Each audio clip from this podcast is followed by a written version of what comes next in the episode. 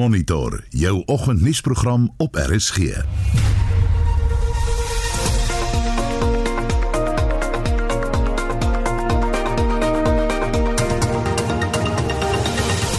In die program vanoggend daar is 'n skerp stygings in aktiewe COVID-19 gevalle in die tuinroete en die Kaapstad se metro, as ook in die Nelson Mandela Bay metro in die Oos-Kaap. Across the city, we're also seeing a resurgence in numbers. We classify a resurgence when there's more than a 20% increase in cases week on week, and uh, it's way above 20% week on week. It's now sitting at 52.1% increase.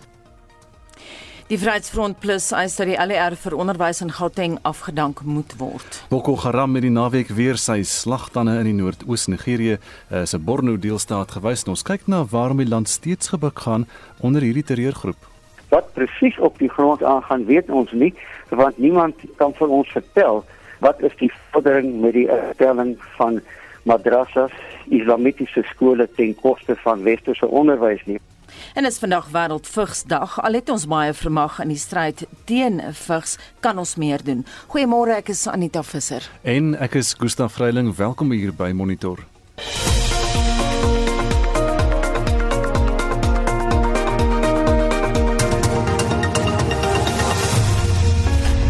12 minute oor 6 uur by Monitor op RSG en ons kyk net gou vinnig na wat aangaan op die koerant voorblaaie vanoggend op Dinsdag die 1 Desember. Die burger vandag familielid en vriend vas na skokmoord. Vrou in haar huis in Boston in Kaapstad vermoor. Speurders geprys vir flink werk en al die dramatiese gebeure uh, van hierdie storie is daar op die voorblad in die berig vanmôre. Ook 'n berig op die burger Wes-Kaap wik en wieg nog oor nuwe corona maatreëls. Beeld se opskrif vanoggend uh, munisipale dienste stort in een. Inwoners by breekpunt in Koster besoedel rioolvuil drinkwater. 'n Drie riviere al 23 dae sonder krag. Hof toe oor swak bestuur in hierdie uh, dorpe en uh, die ploeterende rade maak die mense vies. Al die besonderhede in beeld vandag. Volksblad is 'n digitale voorblad, draai die krane oop of En dit gaan oor die Mangaung munisipaliteit daar in Bloemfontein se waterskuld. Ja, die metro is gedreig met die hof en die DA dien dan daar ook 'n klag in. Internasionaal op bbc.com die VN se klimaatsveranderingsdoelwitte is nou binne bereik en dit is volgens 'n nuwe temperatuuranalise wat gedoen is en wat die BBC nou glo onder oë gehad het. En dan die ontbossing van die Amazonewoud in Brasilië is nou op sy hoogste vlak sedert 2008. Die vernietiging van die woud het met 9,5% toegeneem. Ook 'n berig daar oor die skade wat COVID-19 aan mense se longe aanrig. En is net vinnige oorsig dan oor vanoggend se nuus.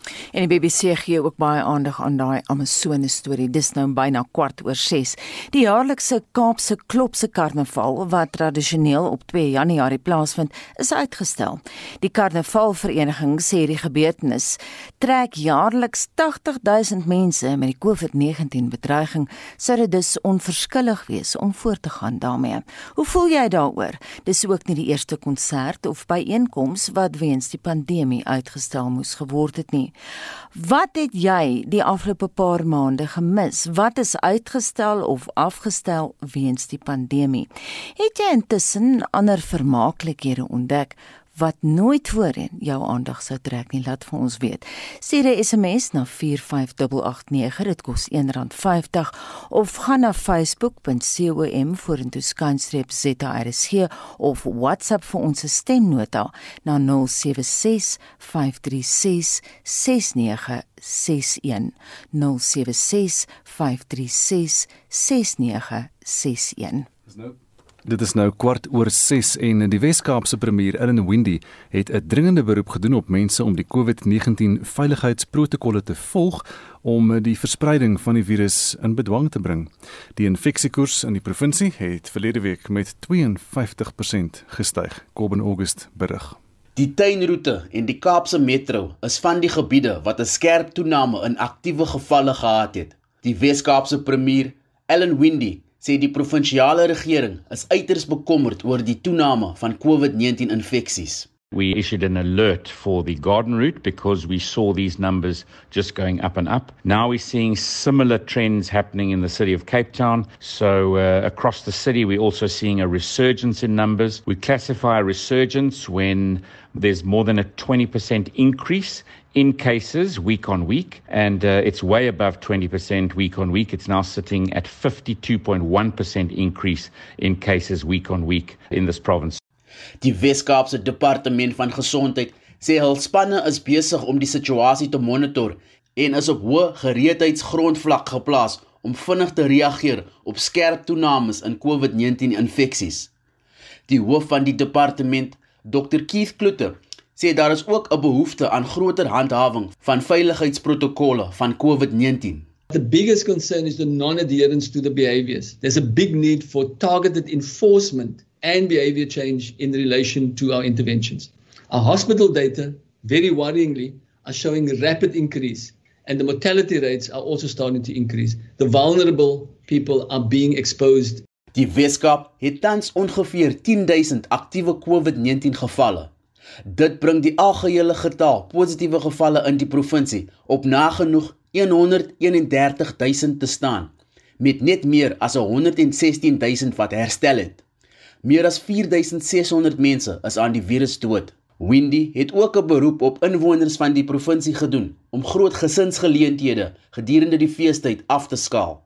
Ek is Coben August in Kaapstad. Vir die wat die vorige storie gemis het, die tuinroete het die afgelope week 'n toename van meer as 2400 nuwe COVID-19 gevalle ervaar. Die streek se ekonomiese spulpunt, George, het tans 1540 aktiewe gevalle, dis die hoogste syfer in die Wes-Kaap. Tanya Krause doen verslag. Die owerhede het hul kommer uitgespreek oor die onrusbarende infeksiesyfer, veral omdat vakansiegangers vir die feestyd op pad is na die streek. Die afgelope naweek was daar slegs in George 'n toename van 293 gevalle. Die burgemeester van die Tuinroete distriksmunisipaliteit, Memory Boysen, het 'n beroep op inwoners gedoen om die pandemie ernstig op te neem. As die Gardenwood distriksmunisipaliteit sowel as die Wes-Kaap regering is ons uiters bekommerd oor die roekelose en onverantwoordelike optrede van sommige van ons inwoners. Hulle tree op asof die COVID-19 virus nie meer bestaan nie. Net die afgelope naweek alleenlik het ons 14 mense aan die dood afgestaan.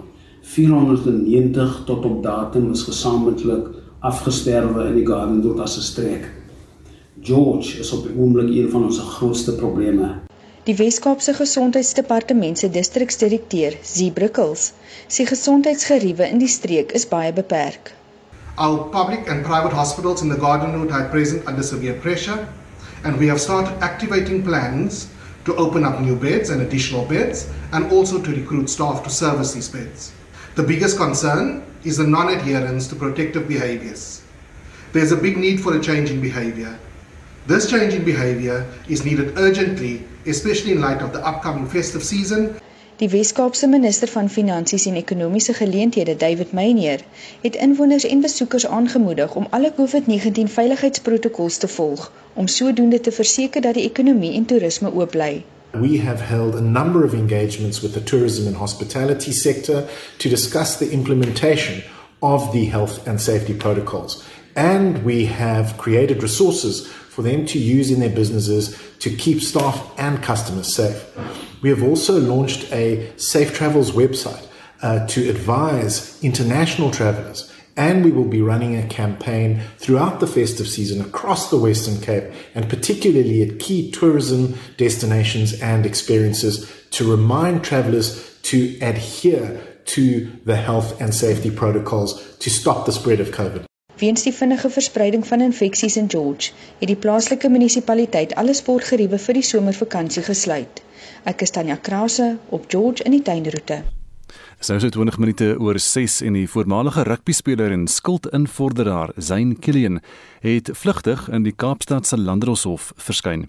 Dit hou verband met die poging tot moord op die advokaat van verdediging William Booth. Die klagte teen die 39-jarige Killian sluit in sameswering om 'n moord te pleeg, poging tot moord en die onregmatige meeluistering van kommunikasie, omdat hy na bewering Booth se selfoon nagespoor het. Berenice Moss doen verslag. Die mislukte sleepmoord het in April vanjaar buite Booth se huis in Kaapstad plaasgevind. Booth het ongedeerd daarvan afgekom. Kilian het verskyn saam met vier mede-beskuldigdes onder swaar polisiebewaking. Die hofverskyning was kort en VG woordvoerder Erik Ntabazalila. The case has been postponed to the 14th of December for further investigation. Of course, we are, we are also monitoring the case in Belleville so that if he loses the bail application in, in Belleville, so we don't think that he'll apply here. Killian staan ook tereg op aanklagte wat verband hou met die moord op die top polisielid en lid van die teenbende eenheid Shalkene. Kene is 2 maande gelede buite sy huis in Bishop Lywes vermoor. Hy het verskeie figure in die onderwêreld ondersoek voor sy moord. Daar word beweer dat die 39-jarige Killian die speurder se telefoon opgespoor het wat tot sy moord gelei het. Killian sal na verwagting vandag in die Belwe Landdroshof verskyn op 'n aanklag van moord.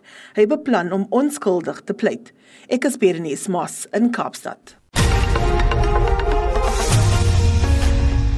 Dis nou so 25 minute oor 6 in die Vryheidsfront plus eis die afdanking van die LER vir onderwys in Gauteng, Panjaza Lesufi. En dit na hy volgens hulle homself oor die afgelope tyd telkens besig gehou het met kwessies wat niks met sy amp as LER te doen het nie. En vir meer hieroor praat ons nou met die VF+ se nasionale voorsitter en lid van die provinsiale wetgewer hier in Gauteng, advokaat Anton Alberts. Anton, goeiemôre.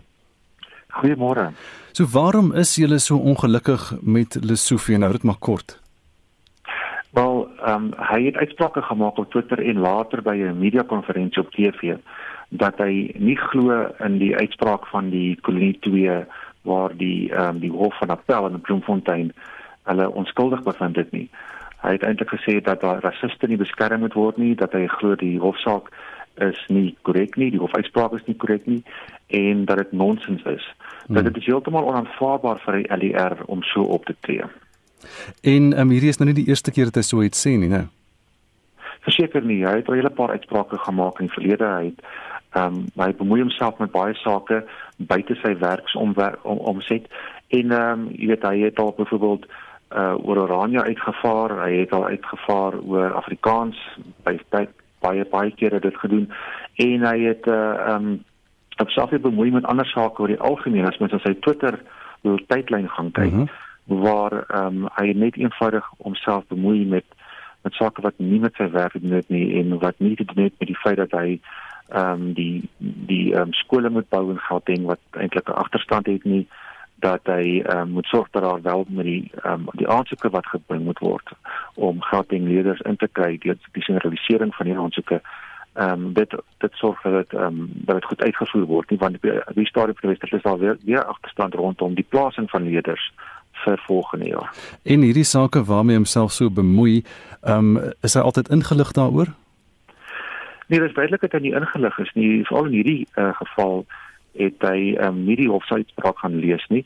As hy die hofsuitspraak gelees het of met berigte daaroor gelees het, sou hy besef het dat hy verkeerd is en dat drie regters wat toevallig swart regters is die uitspraak gelewer het en dat op die getuienis self en die bewyse ehm um, hulle nie 'n ander uitspraak kon gegee het nie. So hy is totaal en al verkeerd ingelig.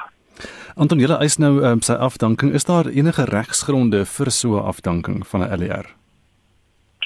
Wel, in terme van die ehm um, die reëlings en die gedragskode in die Gauteng wetgewer, mm -hmm. veral artikels 52 en 54 mag 'n lid van die wetgewer in homself nie gedra wat die wetgewer um, in ehm um, swak lig stel nie en dis baie duidelik dat hierdie gedrag dat hy wel dit doen. So ons het 'n skrywe gerig aan premier Makura in die verband en um, ons verwag 'n antwoord van hom, maar nou ja, ons weet hulle beskerm mekaar so dit gaan dan waarskynlik niks daarmee daarmee gebeur nie, maar ons gaan steeds aanhou probeer om druk te plaas sodat Lesofie uiteindelik uit sy posisie verwyder word. Hang alles af van van die premier, premier Makura of is daar ANC politiek betrokke want Lesofie is tamelik gewild, né? Nee? Lesofie is heel wat gewild in sit in ehm um, wel in Gauteng spesifiek hy het uh, sy gevolg en um, premier Makura se ons verstaan is ook onder druk om self so uit 'n politieke oogpunt dink ek is dit baie moeilik om te sê dat Lesofie wel gelig sal word.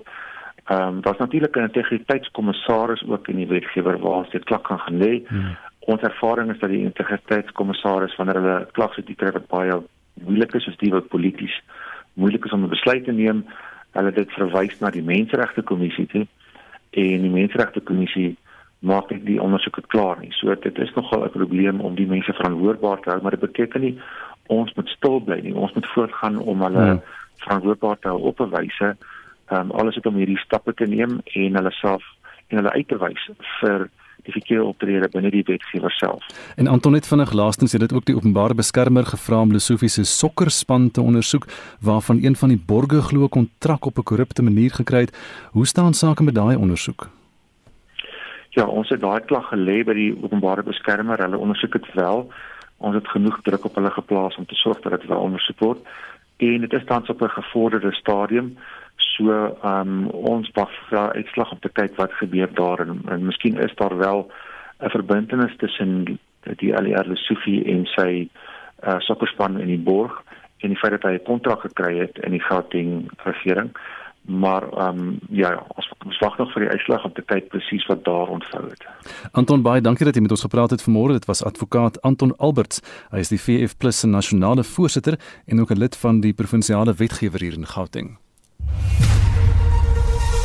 Jy luister na Monitor elke weekoggend tussen 6 en 8.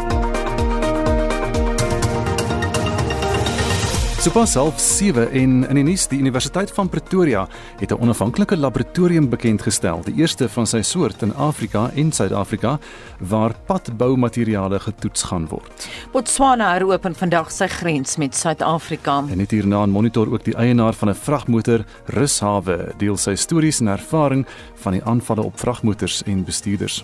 En die Nigeriese regering sukkel al vir meer as 'n dekade lank om Boko Haram voorstok te kry. Bly by ons. Estie. Anita, ons wil vandag by ons luisteraars weet hoe voel jy oor die besluit dat die Kaapse Klopse Karnaval uitgestel is of oor ander konserte of feeste wat weens die pandemie uitgestel is en ons vra het jy intussen dalk ander vermaaklikhede ontdek en Ursula Prins laat weet stel dit liewer af vir die jaar totdat COVID afgeneem het of totdat die enstof begin werk het. En Yuri Brand skryf: Ek het nog net gewerk, gewerk en nogmals gewerk die jaar, geen sosiale kuiertjies, visvang of jag ten spyte van verskeie uitnodigings nie. Die klopse sport en ander sal niks oorkom om die regte ding te doen nie. Dis als net 'n kopskuif. En Christa van die Paul sê op ons SMS-lyn: Ek mis die parkruns, nie net dis net nie dieselfde om op jou eie te oefen nie. Die resultate wat jy kry na so 'n parkrun motiveer jou om elke week beter te doen. Stuur vir ons 'n SMS na 45889. Onthou dit kos R1.50. Gesels saam op ons Facebookblad by uh, facebook.com vorentoe skynstreep ZARSG of WhatsApp vir ons stemnota na 076 536 6961. 26 minute voor 7 en so net voor 7 gaan ons weer met Estie gesels oor al daai terugvoer. Intussen het Shaun Jooste nou 'n samevatting van die jongste sportnuus. Ons fokus vanoggend op van die jongste ranglyste en puntelere. Na die naweek se eerste ronde van die Currie Beeker reeks staan die Bulle op 27, Haie op 24 en WP op 20 punte. Dit is nadat die plaaslike Super Rugby punte oorgedra is. Nieu-Seeland het hulle drie nasies veldtog op 11 punte geëindig. Argentinië en Australië het 6 punte elk met nog een wedstryd oor vir beide spanne. In die Herfsnasies Beeker reeks het Engeland bo aan Groep A op 13 punte geëindig met Ierland tweede op 8 punte. In Groep B het Frankryk op 14 en Skotland op 11 punte geëindig. Cricket. Op die wêreld T20 ranglys is Australië eerste, Engeland tweede, Indië derde en Suid-Afrika vyfde.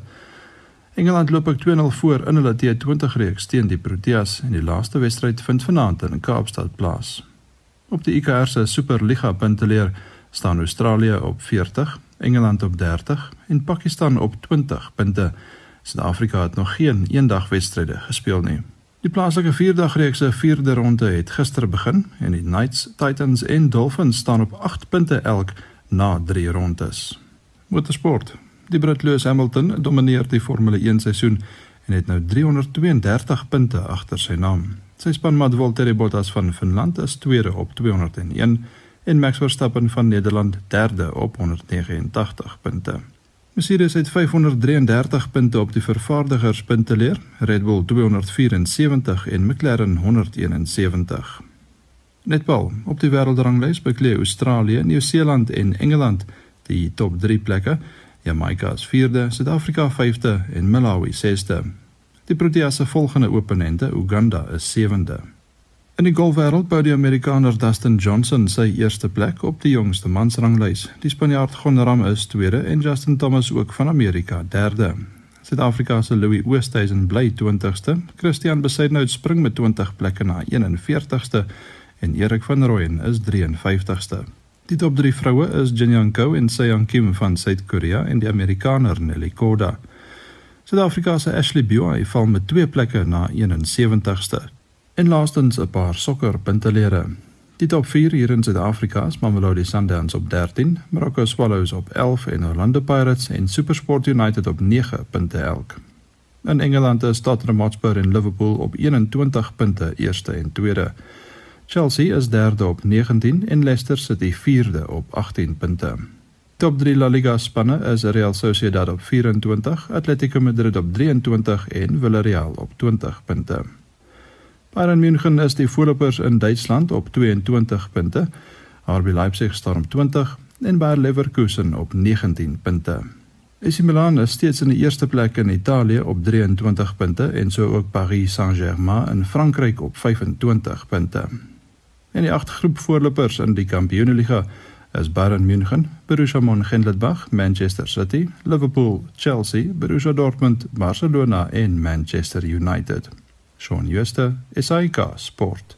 Rolspelers in die padvervoerbedryf vergader vandag oor die vlaagaanvalle op vragmotors en bestuurders weens ontevredenheid omdat buitelanders as bestuurders in diens geneem word. Die uitvoerende hoof van die padvragvereniging, Gavin Kelly, sê die aanvalle strek terug na 2018 toe. Vyf vragmotors is daardie jaar by 'n tollik aan die brand gesteek daar's toe 'n ministeriële taakspan aan mekaar gevleg. Daar's toe 'n bietjie uh, intelligensie ingewin, 'n bietjie ondersoek gedoen en toe is daar vier ministers wat aangestel is. En die eerste resolusie was om dan die saak reg te stel van hoeveel buitelanders word inderdaad deur Suid-Afrikaanse maatskappye in diens geneem. In voorkeur So dit handel eintlik net oor die ouens wat in Suid-Afrika besigheid het en hulle sê okay, hier in Suid-Afrika gaan ek nie 'n burger aanstel nie, ek gaan 'n buitelande aanstel. Daai staatsdepartemente moes ek wetgewing na te gaan om te sien of die wetgewing dalk foutief was of of daar leemte was. Is dit nie daar gelê het nie? Was dit dalk dan in die polisieering of hoe hierdie wetgewing toegepas word? Byvoorbeeld as jy 'n buitelander is en jy wil vir 'n Suid-Afrikaanse werkgewer werk, dan moet jy 'n werkspermit verkry. Die eerste stap moet daai Suid-Afrikaanse werkgewer dan bewys lewe aan die departement van arbeid en binnelandse sake dat hulle geen Suid-Afrikaanse burger kon vind wat daai taak sou kon verrig nie. Hoeveel van hierdie drywers is buitelanders? Ons het net die syfers van die transporters wat lede is van die RFI. Hulle registreer by al die verskillende departemente. Daar's net so bietjie oor die 44000 swaar voertuig bestuurders wat geregistreer is waarvan 6700 is buitelandse burgers. Daar hele horde klomp transporters daar buite en hulle doen wat hulle wil want hulle word nie gereguleer nie hmm. en dis een van die dinge wat ons vir die president gesê het. Jy sit vandag met die probleme in die land en hoor my lied. Dit gaan ook by restaurante en hotelle, dit gaan dieselfde geskied omdat jy nie weet wie of watter maatskappye daar buite is nie. Hulle volg nie die wetgewing nie en hulle doen wat hulle wil. Wat is die terugvoer van jou 44000 lede in terme well, van aanvalle op hulle vragmotors? Alles vat nie gelukkig daaroor nie. Hulle is almal lede van geregistreerde unies en as dit 'n probleem was, sou die unies dit gelig het. Want daar is mos stelsels in die land waardeur die werknemer en die werkgewer met mekaar praat. Voel julle tevrede met die beskerming wat julle van die polisie kry? Nee, glad nie. Soos ek weer vir die president geskryf het, dit lyk asof die intelligensiedienste of nie beskik oor die kapasiteit om hulle werk te verrig nie of kan dit nie doen nie, ek weet nie, want hierdie ouens wat nou hierdie geweld probeer aanhet Hoekom word daar niks daaraan gedoen nie? Hoekom is die ouens nie voorag daar waar hulle moet wees nie? Meeste van dit is reaksie. Ons het glad nie oor die afgelope 3 jaar enige arrestasies gesien het wat daartoe gelei word dat daar goeie sake is dat die ouens dan moet verantwoording doen om wat hulle doen. Hier's 'n ou nou die dag geskiet en hy's lewendig aan die brand gekeer. Niemand is gearresteer vir moord nie. Daar lê iets hier agter want as dit 'n arbeidskwessie was, met die voorstelle wat ons gehad het, is die departemente sou gedoen het wat hulle moes gedoen het, sou lank al uitgesorteer gewees het. Die ouens praat van dis 'n tipe van 'n maffia soos wat in die boubedryf bestaan en die sementbedryf en die plaasaanvalle. Wat kos dit jou lede? Toe die ding sy kop lelik uitgesteek het 2018, het dit iets soos 300 miljoen gekos op daai stadium net in terme van bates wat beskadig was. Voel jy optimisties oor die klomp ministers wat nou betrokke is? Selfe departemente wat betrokke was 2,5 jaar terug. Ek wil aksie sien. Ek is nie baie optimisties nie. Daar is hulle gaan dalk weer mag inspann. Ek is bang is net weer beloftes. En so sê Gavin Kelly hy is uitvoerende hoof van die padvrag vereniging. Nou ons bly by hierdie storie en praat met Ben Duisel vanmôre. Hy is die eienaar van Highway Junction. Dis 'n oornagfasiliteit vir vragmotorbestuurders in Harry Smit daar in die Vrystaat uh, langs die N3. En ons praat nou vanoggend met hom Ben. Goeiemôre. Goeiemôre Gustaf. So julle werk, julle werk elke dag met hierdie vragmotorbestuurders. Wat is die gevoel onder die bestuurders oor hierdie vlaag van aanvalle nou deesdae? Gustav, die bestuurders is eintlik maar baie onseker oor wat die waarheid werklik is. Ehm uh, elke nag is daar nuwe waarskuwings en so voort. Daar het gister weer 'n nuwe WhatsApp boodskap uitgekom dat hulle die verkeer wil stop vir, vir 10 dae lank. Maar dit word nie erken deur deur die instansies wat beweer word daar betrokke is soos die ITTF nie. Uh en ek dink dit wel die indruk wat ons kry is dat dit meer 'n kriminele element is wat nou op die rug van hierdie sogenaamde buitelandse drywers op probeer ry en die bedryf wil ontwrig. Uh dis gewoonlik op die nasionale paaie hoofsaaklik uit Durban en na Durban hmm. en ongelukkig is daar ook heelwat van hierdie operateurs wat eintlik redelik onwettig opereer en dit is gedurende die nag. Die groot erkende operateurs ry meerendeels deur daglig ure al drywers van die pad af vir rus in die nagte, maar die onwettige drywers, um, hulle opereer deur die nag en dis wanneer my van hierdie voorvalle plaasvind. So ons vermoed daar's 'n groot intimida uh rol van intimidasie deur van die operateurs. Wat dink jy oor die menings dat hierdie gewelddadige aanvalle dat dit georganiseerd is? Dis definitief georganiseer. Die vraag is net van waar en deur wie. Hmm. Uh dis 'n dis verseker 'n onderduimse in, instansie. Dis nie erkende instansie nie want die regering en die owerhede praat met hulle almal. Die groot operateurs is baie bewus daarvan en maak seker dat hulle die regte prosedures volg om drywers aan te stel. Maar dit is verseker uh georganiseer, maar weer eens die vermoede is dat dit uh meer op uh kriminele basis is en omdat baie keer van dit is op op voertuie wat kos of vleis en so meer vervoer en naby uh as die human settlements soos wat hulle sê langs die paaie uh en dit is waar die onveilige plekke is waar juis vermy moet word gedurende die, die nag. Hoe groot is die probleem van van die buitelanders, buitelandse bestuurders? Persoonlik dink ek dit word oordryf. Uh ons kry meer as 1000 vragmotors per dag ja. deur ons fasiliteite en ek wil vir jou sê ons doen opnames. Elke drywer word uh, met per kamera gesken, sy nommerplaat en so aan en uh, daar is nie 5% van hulle wat buitelandse drywers is nie maar alhoewel heelwat van die voertuie is hierdie buitelandse voertuie wat koper of hoëware goedere vervoer hawe toe wat 'n buitelandse drywer moet ophou. So ek dink dit word heeltemal buite verband geruk en ek dink dit word maar net as 'n dekmantel gebruik vandag. So is dit dalk uh, net 'n verkeerde persepsie dalk. Dit is 'n verkeerde persepsie, maar ek dink die persepsie word aangeroer hmm. juis om onder 'n dekmantel te kan opereer. Jy weet, maar as jy verlede week en die vorige week se se in uh te voorvalle vat op die op die snelweë, ja. dit was naby uh uh, uh onwettige blyplekke en waar samedromming is en so voort en ek dink nie dit kan uh, dit kan gesien word as as gemik op buitelandse drywers sê want die drywer wat dood is en wat se wie se trokke afgebrand is was nie buitelanders nie was Suid-Afrikaanse drywers Hoe um, kan 'n mens die bestuurders in die, in die trokke beveilig en beskerm? Is daar is daar meer maatreëls deesdae as wat daar was van tevore? Uh, Inteendeel, ek dink daar's minder.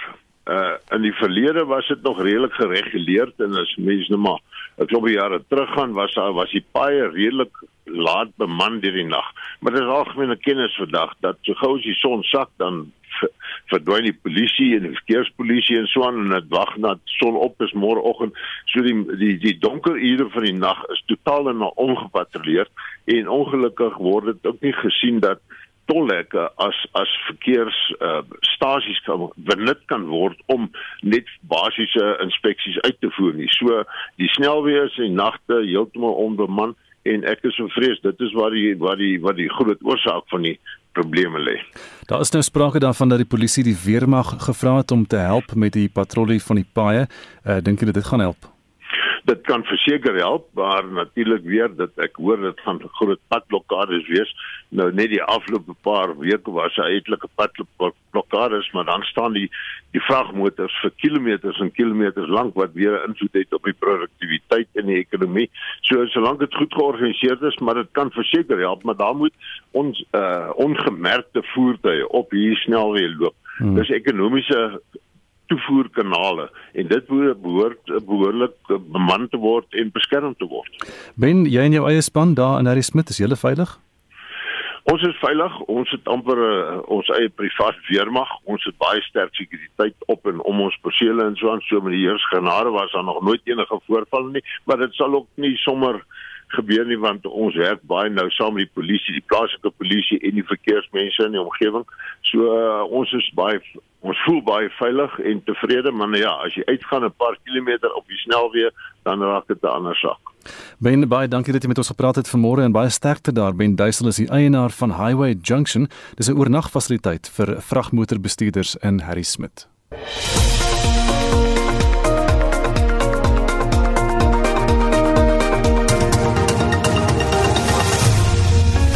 Dis nou so 11 minute voor 7 uur by Monitor op RSG.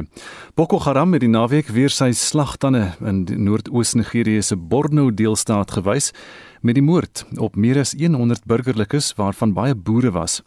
Alhoewel Nigerië se president Muhammadu Buhari die slagting as sinloos veroordeel het, sukkel die land al vir meer as 'n dekade lank om Boko Haram voor stok te kry.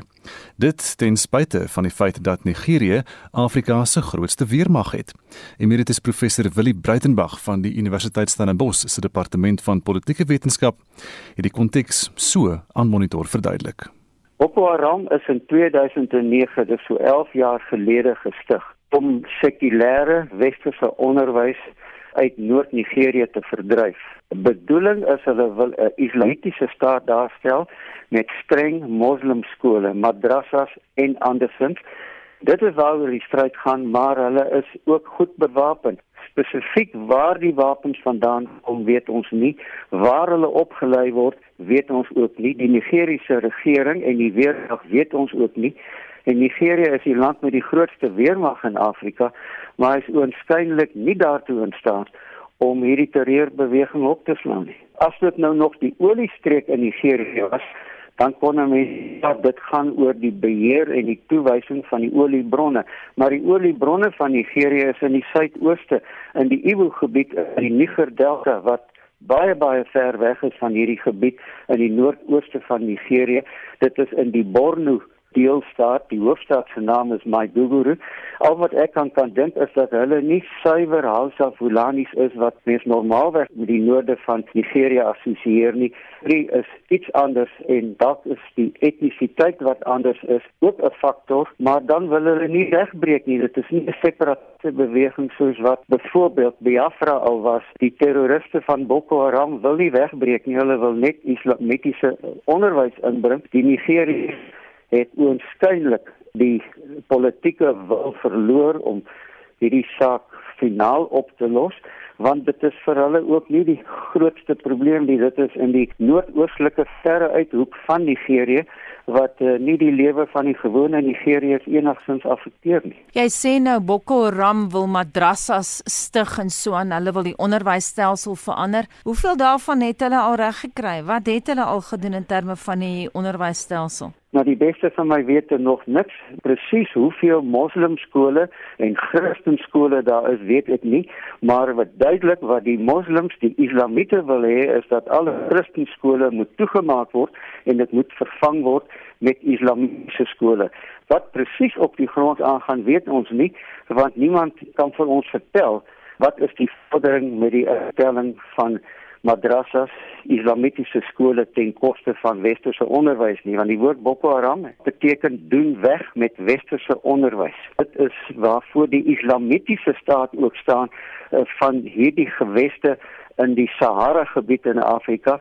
Hulle uh, het 'n soort van 'n kalifaat wat nie net Noord-Nigerië insluit nie maar ook Mali insluit ook Chad insluit Wes-Afrika is ook 'n moslimstreek in die binneland en 'n Christelike streek die kusgebiede waar die sendelinge in die koloniale tyd 'n vaster plek gekry het. Hoe staan die situasie in Niger, Mali en Chad? Die situasie in die buurlande soos Chad, Mali en Niger is redelik ongeaffekteer want hulle het islamiete in bewind weliswaar nie van die islamitiese staat nie maar dit is wel moslim owerhede. Willie, watter rol kan die VN speel indien wel om die konflik te probeer besleg? Die VN en die Afrika Unie en ECOWAS is redelik stil oor hierdie probleem. Hulle kies nie kant nie, hulle doen beroepe daarop dat die probleem moet by wyse van dialoog opgelos word maar hulle maak nie ECOWAS troepe beskikbaar nie.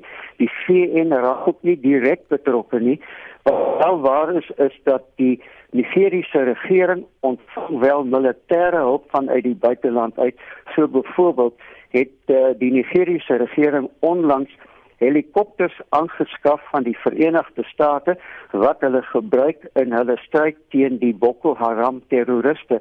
Maar mense weet ook nie want 'n joernaliste kom nie eintlik in die gebied nie. Dit is ver afgeleë, daar's swak kommunikasie en 'n mens weet nie presies wat daar aangaan nie. Die stem daarvan Emeritus Professor Willie Breitenberg van die Universiteit Stellenbosch se departement van politieke wetenskap. En ons bly by die storie en praat nou met professor Abel Esterhuise van die fakulteit Krygskunde aan die Universiteit Stellenbosch. Môre Abel.